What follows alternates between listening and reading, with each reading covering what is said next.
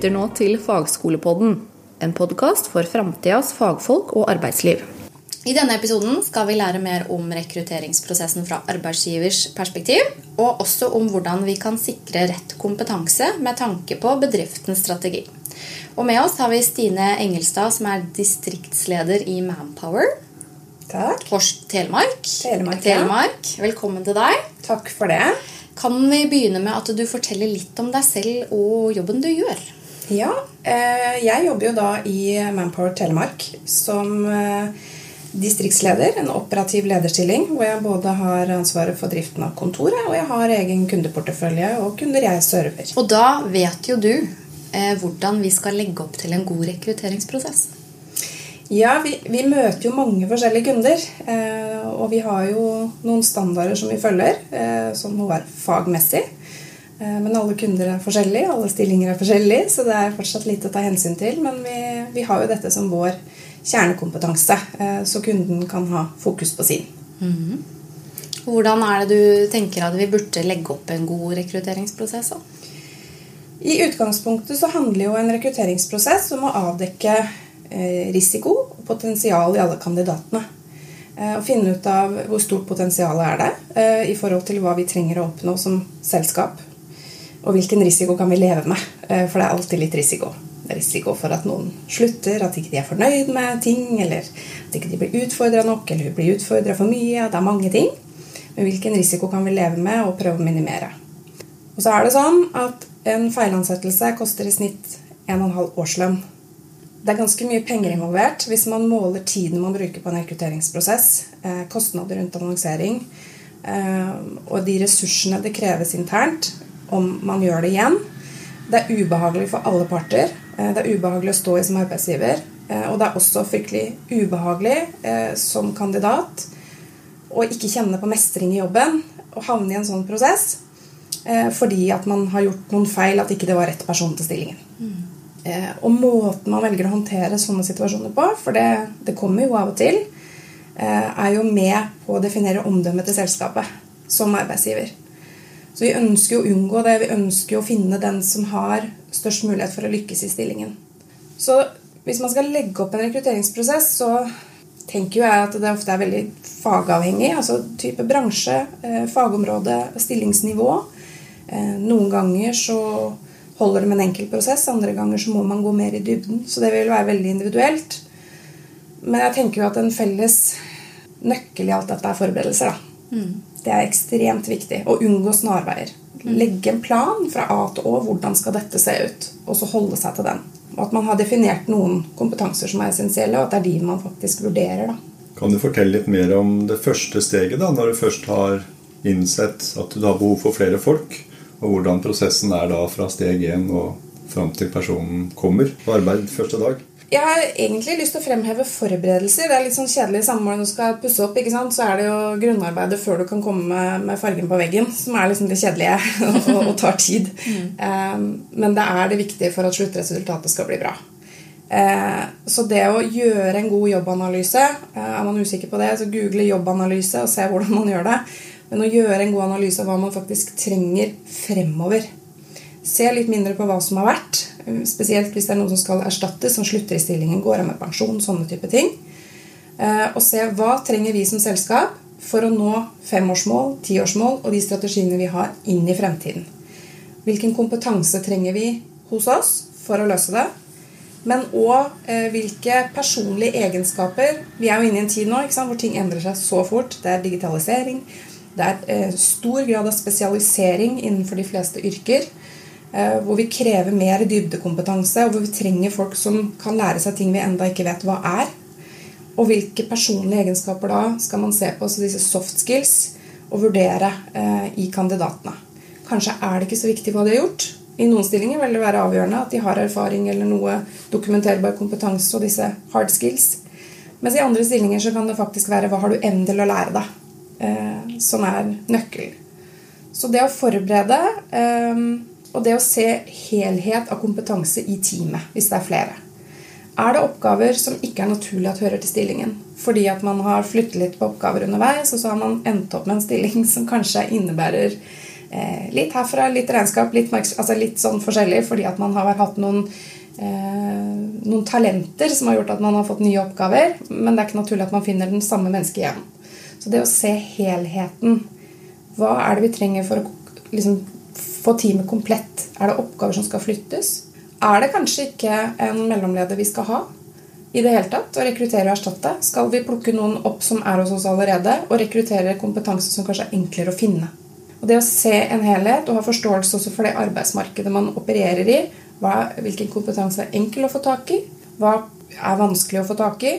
Og nå har vi jo undersøkelser som sier at syv av ti arbeidsgivere i år, altså som svarte på undersøkelse nå i vinter, sier at forrige gang de rekrutterte, så hadde de vanskeligheter med å finne rett kompetanse.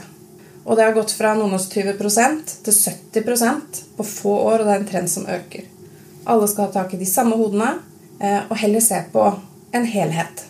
Hva kan vi klare å leve med og gi av påfyll for at de skal klare oppgaven hos oss, f.eks.? Er det noen som, som, mangler noen kurs, men som har de rette personlige egenskapene? Kanskje det er mer riktig å ikke avvise kandidaten, fordi mm. den passer ikke inn i det vi egentlig har bestemt at vedkommende må ha kompetanse.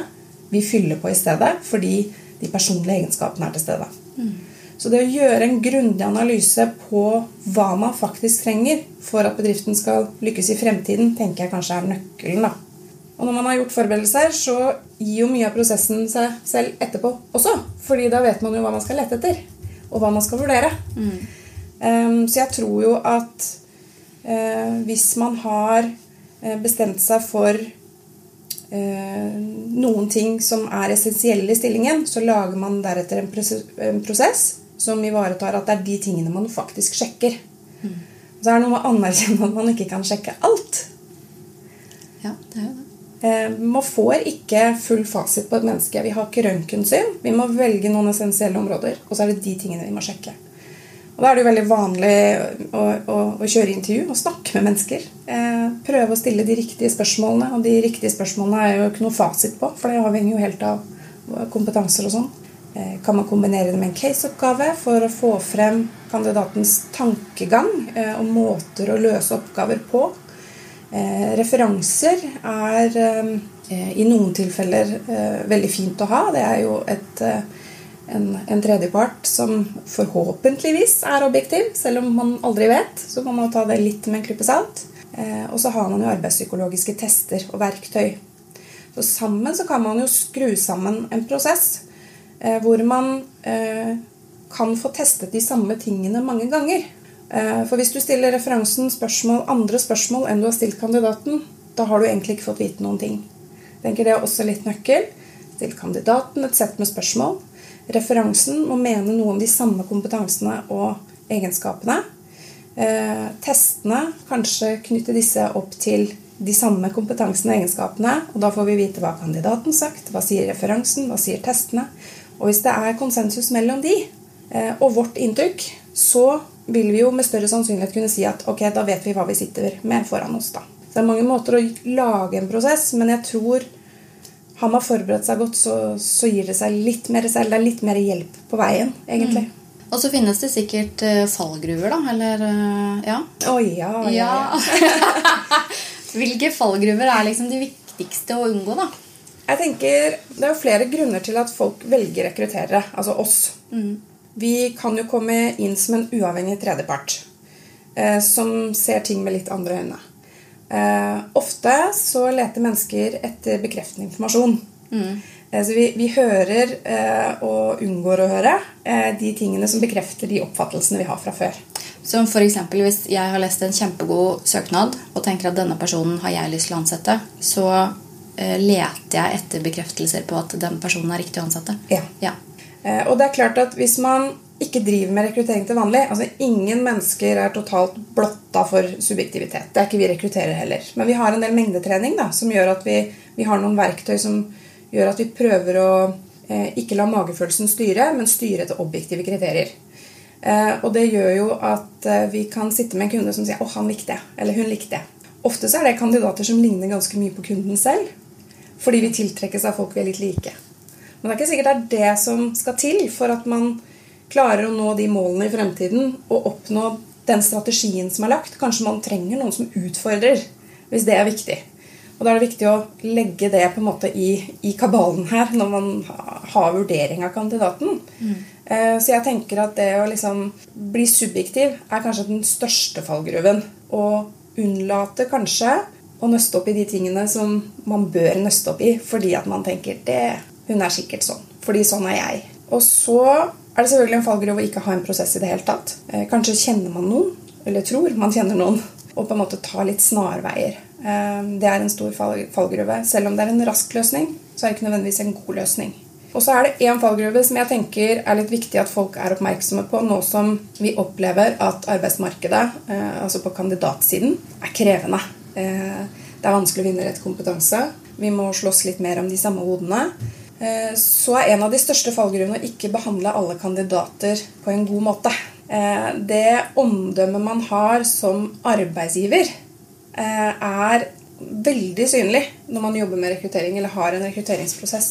Så jeg tror når man eh, skal igjennom en sånn prosess, så får man en veldig fin mulighet til å fronte altså markedsføringsmessig bedriften utad. Eh, hvordan ser annonsen ut? Hvordan liksom fremstår man? Hvordan er prosessen lagt opp? Ser det proft ut?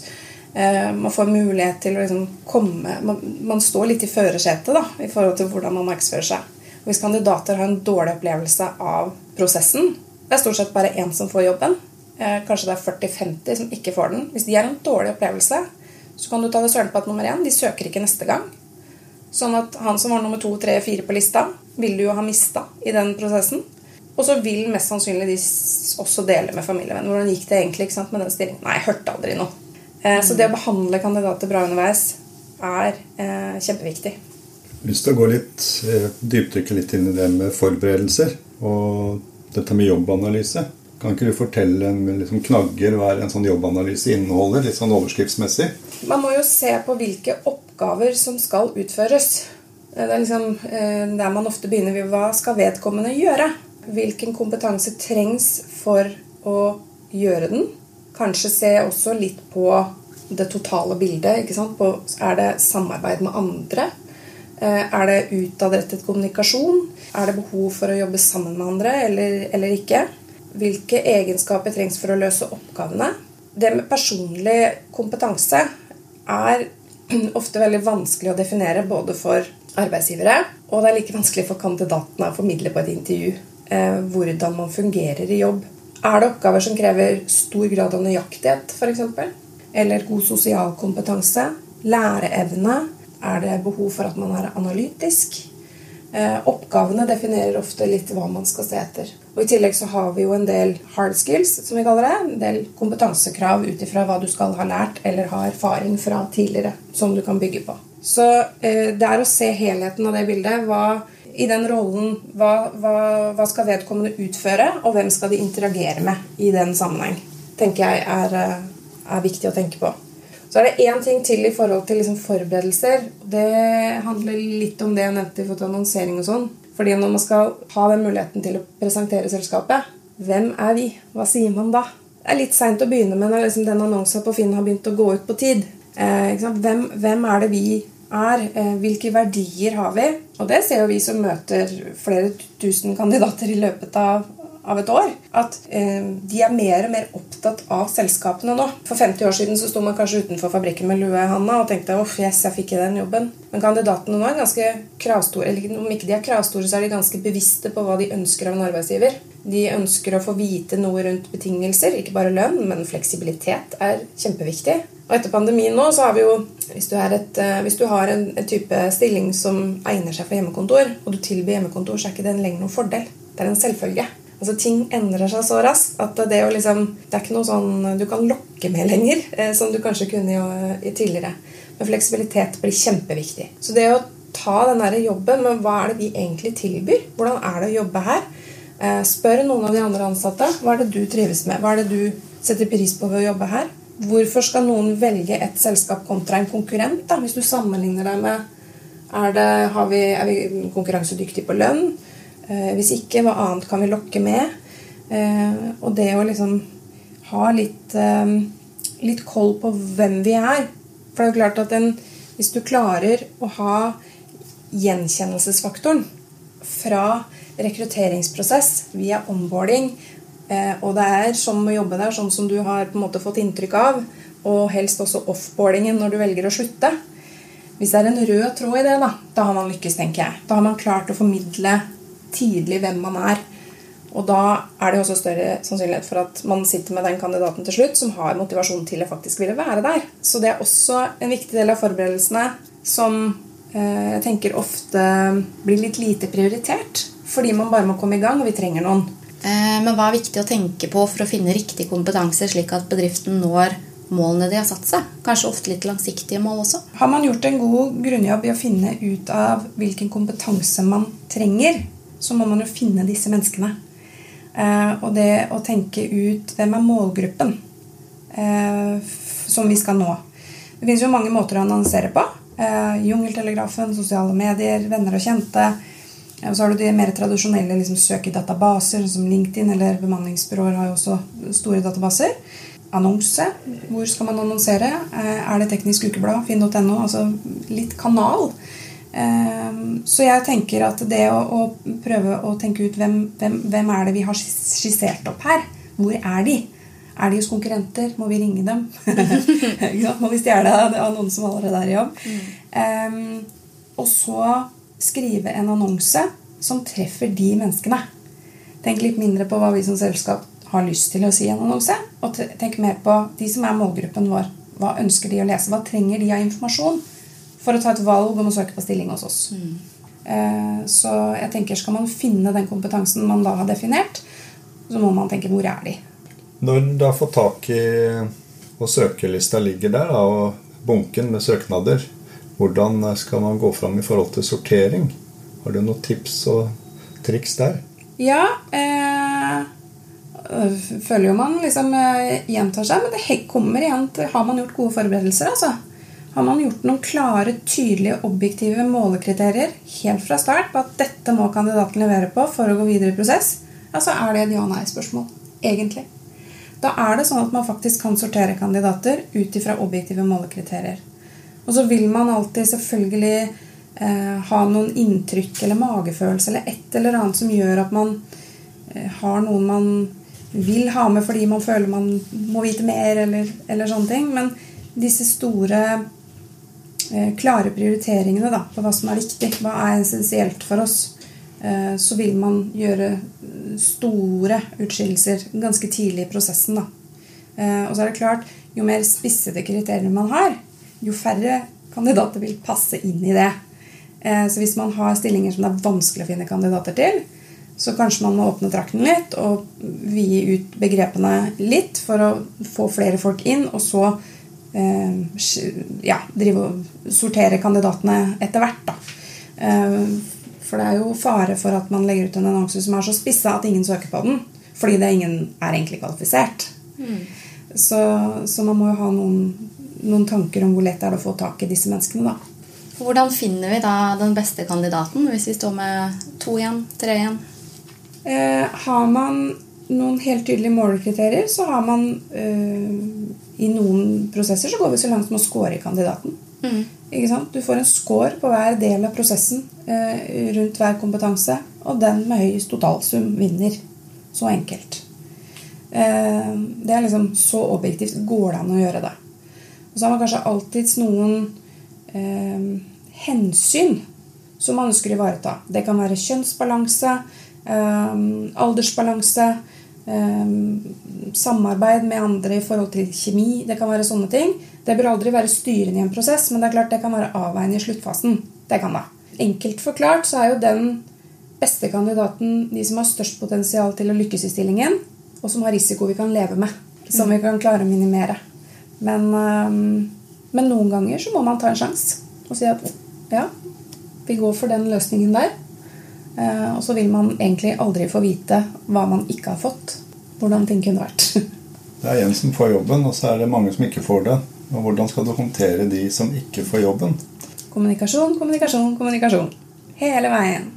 Er det forsinkelser eh, fordi man har glemt å booke møterom, eh, holde tid i kalenderen, noen flere vil være med på intervjuene som ikke kan før neste uke, hold kandidatene oppdatert. Det skal så lite til. Eh, en liten mail 'Takk for søknaden din. Vi vurderer den.' En liten mail 'Vi får dessverre noen forsinkelser i prosessen.' Eh, som du kan sende på, på blinkopi til alle. Det å liksom holde kandidatene varme og, og, og, eh, få formidlet at du betyr noe for oss. Vi vil bruke tid på å vurdere deg. Det er kjempeviktig. Og der er det mange som feiler. Ekstremt. Veldig mange. Ekstremt. Ja.